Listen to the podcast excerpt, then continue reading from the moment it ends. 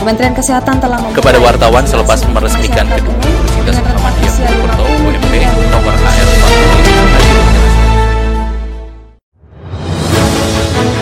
Halo pendengar, saat ini Anda sedang mendengarkan kumpulan peristiwa Pro 3.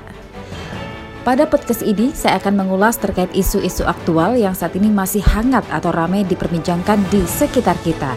Tentu saja nanti saya akan hadirkan cuplikan informasi dari reporter-reporter kami. Bersama saya Dila Kusuma inilah kumpulan peristiwa Pro 3 di ruang dengar podcast Anda. Pendengar sebelum saya masuk ke dalam beberapa isu aktual yang akan saya hadirkan sesaat lagi, saya mengundang Anda untuk mampir ke laman berita kami yaitu di rri.co.id. Anda juga bisa follow Instagram, Twitter, serta Facebook kami di @rri_programa3.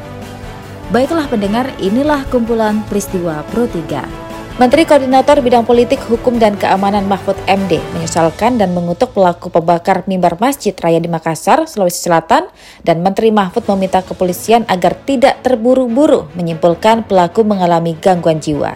Pesan itu disampaikan oleh Menteri Mahfud dalam video yang diunggah di YouTube Kemenkopol Hukam. Berikut pernyataan dari Mahfud MD selaku Menteri Koordinator Bidang Politik, Hukum, dan Keamanan. Yang di Makassar hari ini juga pelakunya sudah ditangkap dan sedang diproses untuk diselidiki dan disidik lebih lanjut atas kejadian itu. Saya berharap seperti yang sudah-sudah. Maka pemeriksaan ini harus tuntas dan terbuka.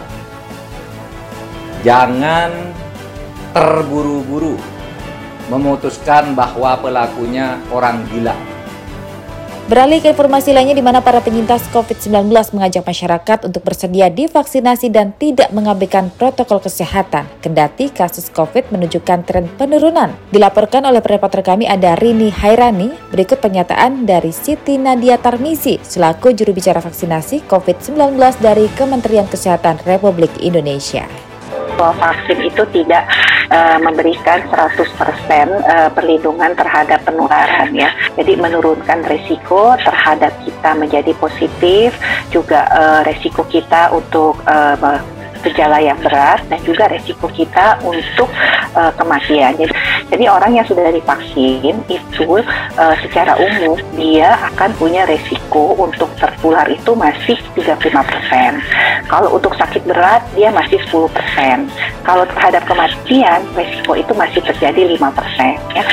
Pandai besi di Desa Pasir Wetan, Banyumas mengeluhkan kenaikan harga bahan baku. Keluhan itu disampaikan pengrajin kepada Menteri Koperasi dan UKM, Teten Mas Duki saat meninjau UKM Pandai Besi.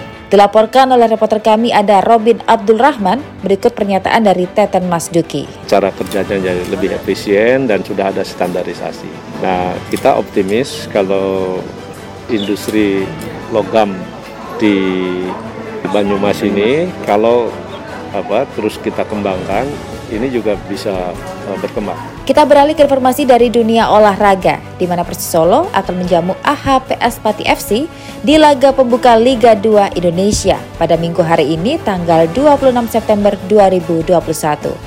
Bagaimanakah persiapan dari kedua tim? Kita simak laporan selengkapnya bersama dengan Edwi Puryono. Jadi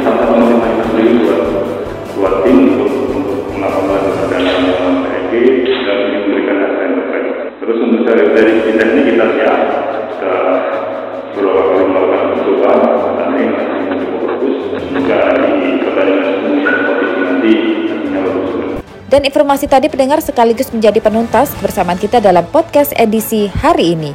Anda masih bisa mendengarkan podcast edisi ini di Spotify dengan hanya mengetik RRI Pro 3 di kolom pencarian. Tetaplah menjaga jarak dan tetaplah berada di rumah saja. Saya Andila Kusuma bersama dengan editor Kaudi Aulia, pamit undur diri dan sampai jumpa. Kementerian Kesehatan telah kepada wartawan selepas meresmikan